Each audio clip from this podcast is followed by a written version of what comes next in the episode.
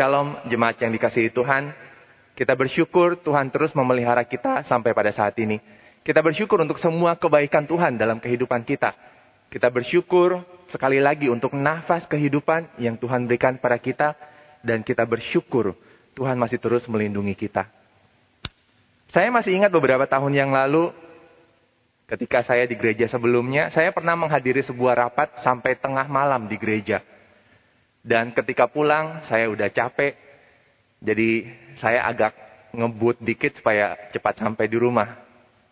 Salah satu jalan yang saya lewati itu adalah jalan dua jalur yang lumayan sempit. Dan memang pada saat itu gelap. Karena memang lampu penerang jalan sudah mati.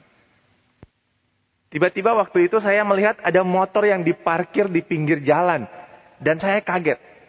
Tentu saja saya langsung menghindari motor itu dan saya ke jalur sebelah. Tapi ternyata di jalur sebelah pun ada mobil yang juga sedang melaju di sebelah saya. Saya menghindar dan untungnya saya tidak menabrak mobil maupun motor yang diparkir itu. Spontan saya langsung mengatakan puji Tuhan. Saya bersyukur dan saya mengatakan puji Tuhan. Teman saya pernah bercerita suatu waktu dia masuk ke, ke jalur busway karena memang sedang dikejar oleh waktu. Ketika dia masuk itu kemudian dia melihat ternyata di ujung jalan itu ada polisi yang sedang menunggu. Sampai di sana dia di stop, diberhentikan oleh polisi, ditanya-tanya. Anehnya kemudian dia dilepas. Dia tidak ditilang, tapi hanya diberikan peringatan dan dia dilepas begitu saja. Dan dia langsung mengatakan puji Tuhan. Bapak Ibu Saudara, kita gampang sekali mengatakan puji Tuhan waktu kita lolos dari kecelakaan atau waktu kita terhindar dari bahaya. Dan memang sudah seharusnya. Tentu saja kita harus bersyukur untuk kebaikan Tuhan. Tapi bagaimana ketika kita mungkin nabrak karena kita tidak hati-hati. Karena kita ngebut. Apakah di saat itu kita bisa tetap mengatakan puji Tuhan? Kalau misalnya kita dihukum karena memang kita yang salah. Apakah kita tetap bisa mengatakan puji Tuhan dan kita bersyukur? Bapak Ibu Saudara kita sering mengucapkan puji Tuhan dan kita bersyukur. Ketika kita menikmati semua kebaikan Tuhan dalam kehidupan kita. Ketika mungkin kita menikmati berkat-berkat yang tidak terduga. Kita memang bersyukur. Dan sekali lagi sudah seharusnya. Memang sudah sepantasnya kita bersyukur untuk semua kebaikan Tuhan. Untuk anugerah Tuhan dalam hidup kita yang memang sangat banyak. Tapi apakah kita bersyukur hanya di puncak gunung yang indah. Ketika kita melihat semua kebaikan Tuhan, keindahan Tuhan, kita bersyukur. Tapi kita tidak bersyukur ketika kita berada di dalam lembah yang kelam dan gelap. Kalau Tuhan tidak menjawab doa kita, apakah kita akan tetap bersyukur? Kalau kita sakit dan tidak sembuh, Apakah kita akan tetap bersyukur?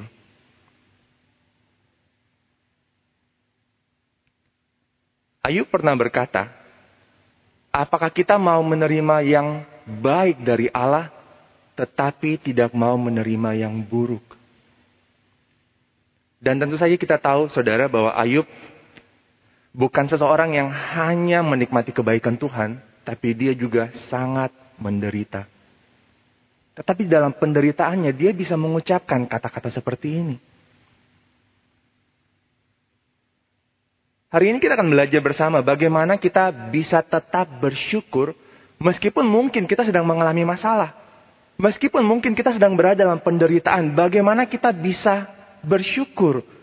Bagaimana kita bisa bersyukur ketika kita menghadapi ketidakadilan, ketika kita menghadapi kejahatan, ketika kita menghadapi penderitaan, penyakit, bahkan kematian. Kita akan belajar bersama-sama dari Rasul Paulus dan kita akan melihat dari 2 Korintus pasal yang ke-12 ayat yang ke-7 sampai yang ke-10. 2 Korintus pasal 12 ayat yang ke-7 sampai yang ke-10. Demikian bunyinya. Dan supaya aku jangan meninggikan diri karena penyataan-penyataan yang luar biasa itu, maka aku diberi suatu duri di dalam dagingku, yaitu seorang utusan iblis untuk menggocoh aku, supaya aku jangan meninggikan diri. Tentang hal itu, aku sudah tiga kali berseru kepada Tuhan, supaya utusan iblis itu mundur daripadaku. Tetapi jawab Tuhan kepadaku, Cukuplah kasih karuniaku bagimu, sebab justru dalam kelemahanlah kuasaku menjadi sempurna. Sebab itu terlebih suka aku bermegah atas kelemahanku, supaya kuasa Kristus turun menaungi aku. Karena itu aku senang dan rela di dalam kelemahan, di dalam siksaan, di dalam kesukaran, di dalam penganiayaan dan kesesakan oleh karena Kristus. Sebab jika aku lemah, maka aku kuat. Demikian firman Tuhan. Bapak Ibu Saudara sini yang kita bisa melihat di dalam bagian ini bahwa sangat menarik Paulus berbicara bagaimana kita bisa terus bersyukur bahkan ketika kita berada dalam masalah dan penderitaan. Dan di sini kita harus melihat bahwa kita harus mengubah perspektif kita. Kita harus mengubah cara pandang kita dan yang pertama kita harus sadar bahwa orang Kristen itu tidak bebas dari masalah. Orang Kristen tidak bebas dari masalah dan penderitaan. Karena itu jangan sampai kita kaget atau kita kecewa ketika kita berada di dalam masalah dan penderitaan. Bapak Ibu Saudara, kita mungkin pernah mendengar ada orang yang mengatakan bahwa menjadi orang Kristen itu berarti kita hidup sejahtera. Kita sehat dan kaya. Kita berkuasa. Kita menjadi kepala bukan ekor. Joel Austin, seorang penulis ternama di Amerika, dia pernah mengatakan demikian bahwa Tuhan itu mau supaya kita sejahtera secara finansial. Tuhan mau supaya kita mempunyai banyak uang, supaya kita bisa memenuhi, menggenapi apa tujuan yang Tuhan berikan kepada kita, maka kita pasti menjadi kaya raya dan punya banyak uang. Tapi Bapak Ibu ini adalah suatu asumsi yang salah. Mungkin kita berpikir bahwa karena Tuhan mengasihi kita sebagai umatnya, maka kita pasti hidup bebas dari masalah. Kita pasti hidup aman dan nyaman karena Tuhan mengasihi kita. Tapi ini adalah suatu hal yang keliru. John Piper pernah berkata di dalam Twitternya bahwa kalau kasih Allah kepada kita anak-anaknya itu diukur berdasarkan kekayaan kita, berdasarkan kesehatan kita, berdasarkan kenyamanan kita dalam hidup ini, maka Allah pasti membenci Rasul Paulus. Karena kita tahu bahwa Rasul Paulus adalah seseorang yang sangat menderita. Di dalam surat-suratnya dia menulis bagaimana dia pernah dipenjara, bagaimana dia disiksa. Kita melihat di dalam cerita, di dalam kisah para rasul, bagaimana Rasul Paulus itu dia selalu berkeliling dan dia selalu menderita penganiayaan. Di dalam 2 Korintus pasal 11, kita bisa melihat ada daftar. Ditulis di situ bagaimana dia pernah dilempari batu, bagaimana dia mengalami bahaya, bahaya di laut, bahaya di darat. Bagaimana dia di penjara, bagaimana dia didera, dan dia menulis semuanya itu. Jadi kita tahu bahwa Rasul Paulus adalah seseorang yang sangat menderita. Sehingga sekali lagi, kita harus sadar bahwa orang Kristen tidak hidup bebas dari masalah. Secara khusus di dalam ayat-ayat yang kita baca hari ini. Dalam 2 Korintus pasal 17, di ayat yang ketujuh, Paulus mengatakan bahwa dia diberi duri di dalam daging. Apa pun itu maksudnya, tapi ada sesuatu yang membuat Rasul Paulus itu tidak nyaman. Dia mengatakan bahwa dia diberi duri dalam daging dan ada seorang utusan iblis untuk menggocoh dia. Saudara saya pernah makan ikan goreng dan waktu saya kecil, saya makan ikan dan kemudian ada duri yang menusuk ke dalam gusi saya. Dan waktu itu saya menangis karena memang sangat sakit ketika duri itu masuk ke dalam. Tapi lebih daripada kesakitan, sebenarnya saya sangat kesal. Karena duri itu sangat kecil dan tidak gampang untuk dikeluarin. Dan ketika duri itu masih terus berada dalam gusi saya, itu sangat tidak nyaman. Di sini Paulus mengatakan bahwa ada seorang iblis, seorang utusan iblis untuk menggocoh dia. Menggocoh di dalam kamus bahasa Indonesia itu dikatakan meninju dengan keras. Tapi dalam kata aslinya, bahasa aslinya di sini Paulus menunjukkan bahwa ada seakan-akan dia ditinju berulang-ulang kali. Apakah sakit? Pasti. Apakah Rasul Paulus menderita? Tentu saja. Inilah yang dipakai suatu gambaran bahwa ada duri dalam daging, ada utusan iblis yang menggocohnya. Saking menderitanya, Rasul Paulus bahkan meminta kepada Tuhan, dia berseru sampai tiga kali kepada Tuhan, supaya utusan iblis itu mundur daripadanya.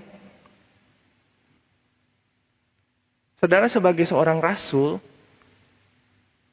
Paulus pernah mengalami penderitaan. Dia tidak bebas dari masalah. Apakah kita berpikir bahwa kita lebih hebat dari Rasul Paulus sehingga kita pasti hidup tanpa masalah?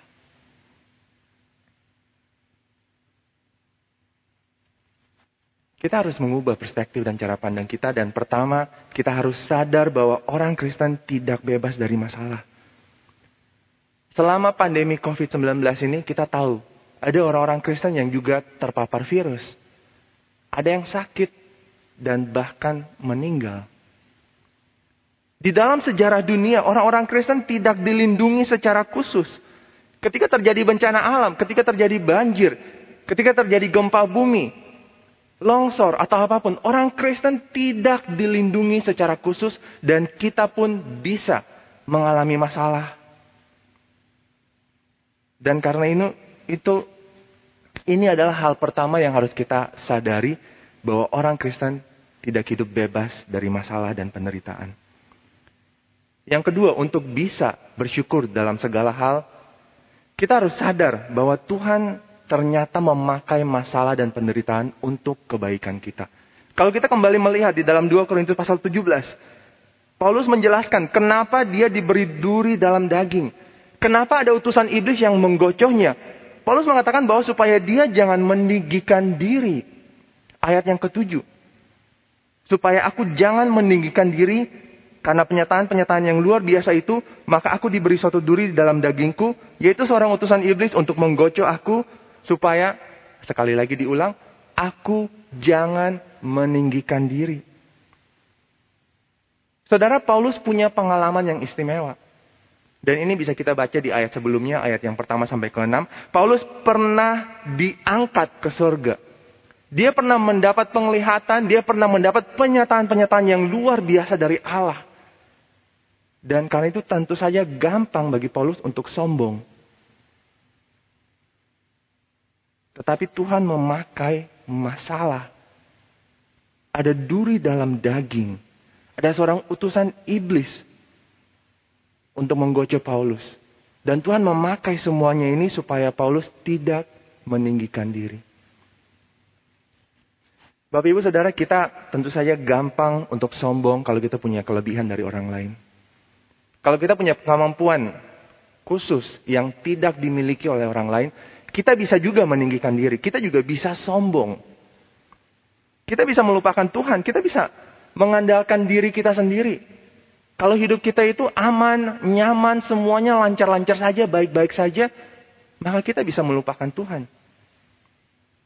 Sehingga mungkin, mungkin Tuhan memang memakai pandemi sekarang ini untuk mengingatkan kita. Supaya jangan sombong. Supaya jangan melupakan Tuhan. Supaya jangan mengandalkan diri kita sendiri. Coba pikirkan, kita bayangkan virus yang begitu kecil, Saking kecilnya kita tidak bisa melihat dengan mata telanjang kita. Kita harus memakai alat untuk melihat virus itu. Virus yang demikian kecil itu bisa menghentikan semua kegiatan-kegiatan besar manusia. Mulai dari belajar mengajar sampai ibadah bersama di gereja kita tidak bisa bertemu. Conference yang besar yang dihadiri oleh ribuan orang itu harus dihentikan karena virus yang demikian kecil. Memang kita harus mengakui bahwa manusia kita manusia itu hebat. Kita bisa menciptakan berbagai teknologi yang canggih. Tetapi ketika berhadapan dengan virus, kita tidak bisa berbuat apa-apa. Dan kita dipaksa harus diam di rumah. Jadi sekali lagi, apakah mungkin Tuhan memakai pandemi ini untuk mengingatkan kita supaya kita tidak sombong. Tuhan bisa memakai masalah dan Tuhan bisa memberikan penderitaan untuk kebaikan kita. Mungkin kita masih ingat ayatnya dari Roma pasal 8 itu pernah dikatakan bahwa Tuhan memakai segala sesuatu itu Tuhan bekerja untuk kebaikan kita. Nah, di sini juga kita bisa melihat bahwa Tuhan memakai masalah atau penderitaan itu untuk kebaikan kita. Misalnya dengan masalah Tuhan bisa memurnikan dan menguatkan iman kita. Seperti yang dikatakan oleh Petrus dalam suratnya, 1 Petrus pasal yang pertama ayat yang ke-6 sampai ke-7. Bisa jadi Tuhan memakai masalah itu untuk membuat kita semakin dewasa dalam iman kita. Semakin memurnikan iman kita, semakin menguatkan kita. Tuhan juga bisa memakai masalah yang kedua untuk mendisiplinkan kita. Di dalam Ibrani pasal yang ke-12 dikatakan dia menghajar kita. Pasti tidak enak ketika Tuhan menghajar kita. Tetapi itu untuk kebaikan kita, untuk menghasilkan buah kebenaran. Sehingga memang di sini kita bisa melihat bahwa Tuhan memakai masalah bisa jadi untuk menghukum kesombongan kita. Mungkin kita terlalu nekat. Mungkin kita kurang bijaksana.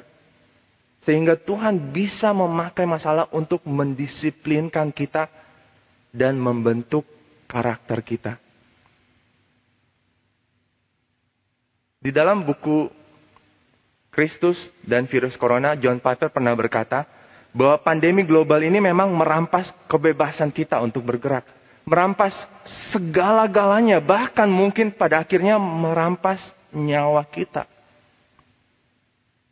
Tapi dia mengatakan bahwa alasan mengapa Allah izinkan kita alami kehilangan-kehilangan itu adalah untuk menggugah kita agar bersandar pada Kristus.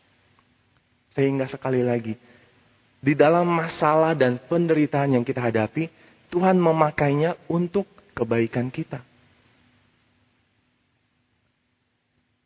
Norman Geisler, seorang teolog, dia pernah berkata bahwa Tuhan Allah itu lebih tertarik dengan karakter kita daripada kenyamanan kita. Allah lebih peduli dengan kekudusan kita daripada kebahagiaan kita.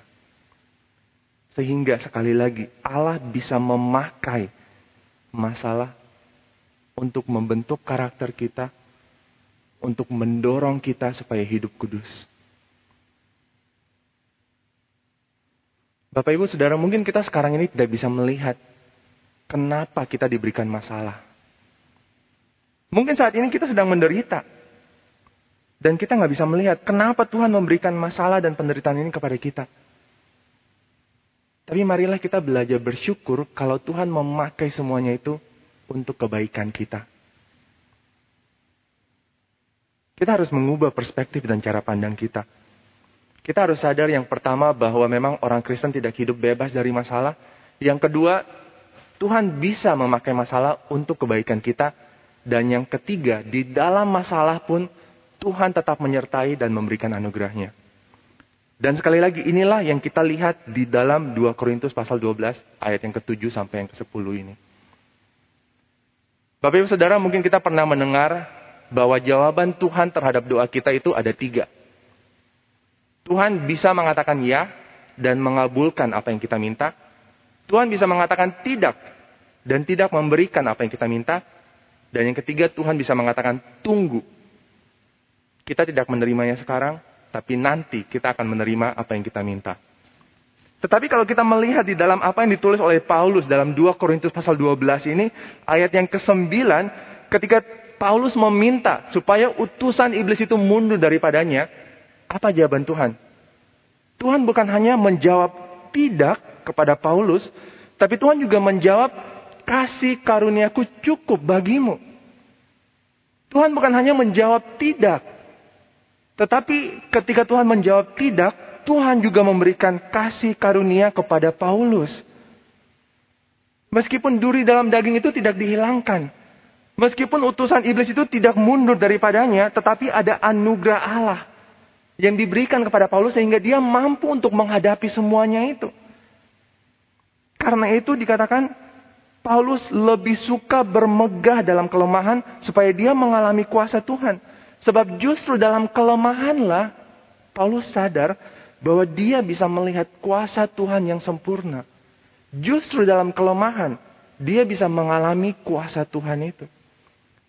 Dan bukankah kita tahu bahwa di malam yang gelap, lebih gelapnya malam, itu kita dapat melihat bintang dan bulan lebih bersinar.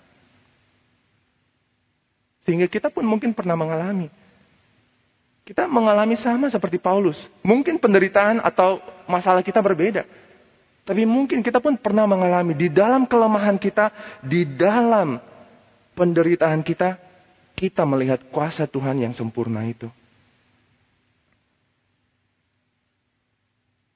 20 tahun yang lalu, ketika saya masih kuliah di Sydney, saat itu mama saya harus ke Surabaya untuk operasi karena ada pendarahan di kepalanya, di otaknya. Saat itu papa saya sendiri di Ambon, mengurus rumah kami di Ambon, dan saat itu juga sedang terjadi kerusuhan dan konflik masyarakat di Ambon. Suatu hari kami mendengar kabar bahwa rumah kami yang di Ambon itu sudah dibakar dan tidak ada yang tahu papa di mana. Tentu saja saya kaget, kami semua kaget dan kami bingung Papa tidak bisa dikontak. Berhari-hari tidak ada yang tahu Papa di mana, apakah Papa masih hidup. Tidak ada yang tahu. Memang pada zaman itu belum ada smartphone seperti sekarang. Belum ada sosial media dan kita tidak bisa mengontak.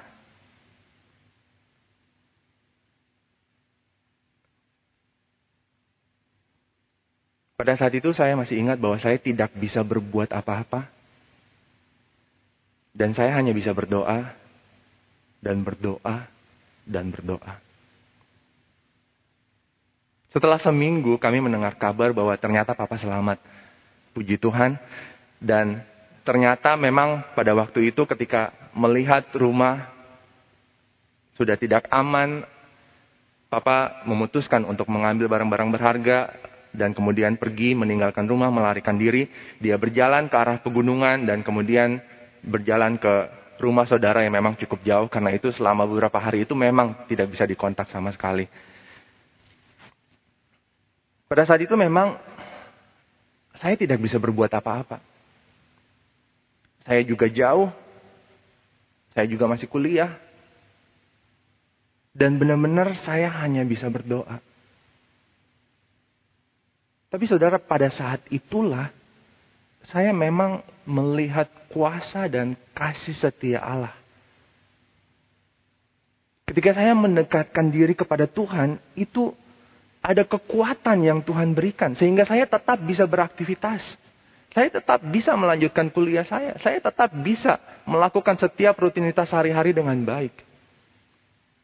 Sekaligus pada saat itu pun saya belajar beriman. Saya belajar bersandar kepada Tuhan. Di dalam kelemahan saya, di dalam keterbatasan saya, pada saat itu Tuhan membentuk saya. Tuhan membentuk karakter saya supaya lebih sabar, supaya lebih bersandar kepada Tuhan, mengandalkan Tuhan, bukan hanya mengandalkan diri sendiri. Puji Tuhan, Mama pun sudah pulih dari pendarahannya dan memang pada saat itu pun Mama sangat bersyukur bahwa dia berada di Surabaya dan dia bisa mengenal jemaat di Surabaya. Meskipun melalui berbagai masalah dan penderitaan, dia bisa mengenal ada satu gereja di Surabaya dan bahkan diberi kesempatan untuk melayani bersama selama beberapa tahun di Surabaya.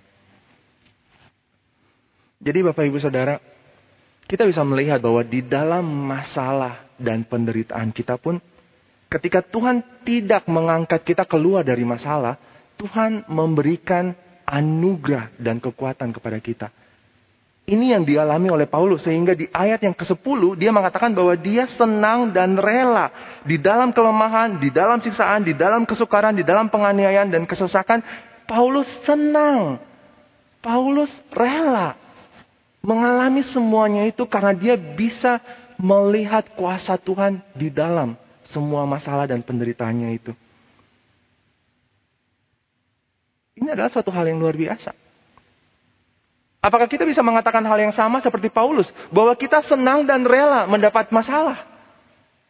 Ketika kita sakit, ketika kita menderita, apakah kita bisa mengatakan saya senang dan rela di dalam kesukaran, di dalam kesesakan. Karena saya bisa mengalami kuasa Tuhan. Mungkin pada saat ini ada dari kita yang sudah kehilangan anggota keluarga karena COVID. Mungkin saat ini ada dari kita yang mengalami masalah dan kita tidak tahu bagaimana masalah yang kita hadapi ini menjadi kebaikan bagi kita. Tapi marilah kita terus berdoa. Kita terus berdoa supaya Tuhan menyertai kita. Kita terus berdoa supaya Tuhan memberikan anugerah dan kekuatan. Meskipun kita tidak diangkat keluar dari masalah, tapi anugerah Tuhan mampu memberikan kita kekuatan untuk menghadapi masalah kita, untuk melewati apa pun yang sedang kita hadapi ini. Dan akhirnya saya ingin mengajak Bapak Ibu Saudara untuk merenungkan beberapa hal. Marilah kita merenungkan bersama apa masalah yang sedang kita hadapi. Apa masalah yang sedang Anda hadapi? Apa masalah atau penderitaan yang membuat Anda sulit bersyukur saat ini? Mungkin Anda adalah seorang pengusaha yang rugi karena pandemi ini. Atau Anda adalah seseorang yang bergumul, berusaha bertahan hidup di dalam masa pandemi ini. Mungkin Anda sedang bergumul dengan sakit COVID ini.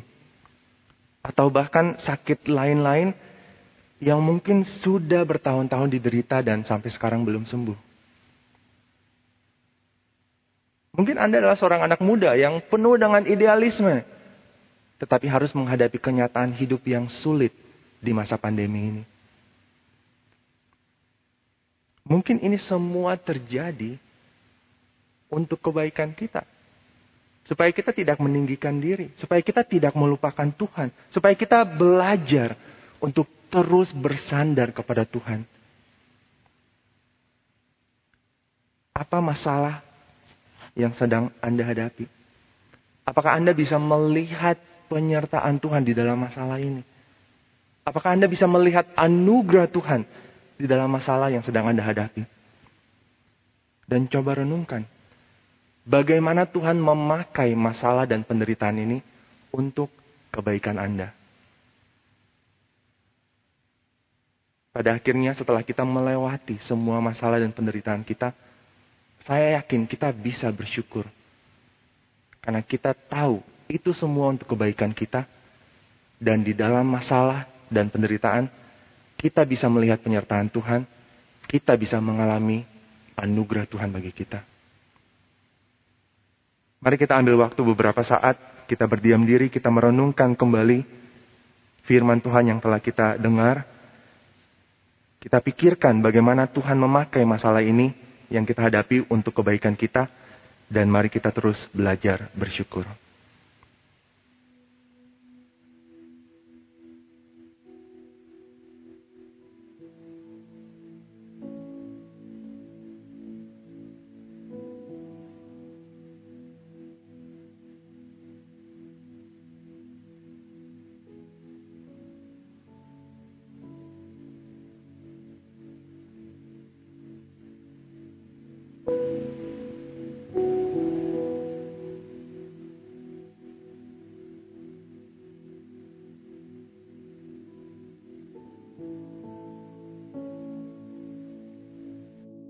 Bapa kami yang di surga, kami bersyukur untuk firman yang boleh kami renungkan bersama pada hari ini. Kami bersyukur kami boleh belajar dari teladan Rasul Paulus. Dan kami bersyukur bahwa kami boleh melihat di dalam masalah yang kami hadapi, ternyata ada Tuhan yang terus menyertai kami. Meskipun Tuhan tidak menjawab doa kami, sesuai dengan apa yang kami kehendaki, tapi kami sadar bahwa anugerah Tuhan terus memampukan kami untuk menghadapi masalah kami. Kami bersyukur Tuhan Engkau memakai setiap masalah dan penderitaan kami untuk kebaikan kami sendiri. Kami bersyukur bahwa kami punya Tuhan yang begitu maha kuasa dan begitu baik kepada kami. Kami bersyukur Tuhan. Namun pada saat yang sama kami sadar Tuhan bahwa kami adalah orang-orang yang lemah dan kami butuh kekuatan dari Tuhan. Tolong kami Tuhan, sertai kami di dalam masalah yang sedang kami hadapi sekarang ini. Apa pun masalah kami, biarlah Tuhan terus hadir. Tuhan, kami butuh dan kami perlu anugerahmu. Tuhan yang hadir memampukan kami, Tuhan yang hadir menguatkan kami. Dan biarlah di dalam semuanya itu, kami boleh terus belajar bersyukur. Bersyukur untuk penyertaan Tuhan dan untuk anugerah Tuhan. Terima kasih Tuhan. Terima kasih. Dalam nama Tuhan Yesus kami berdoa dan kami bersyukur. Amin.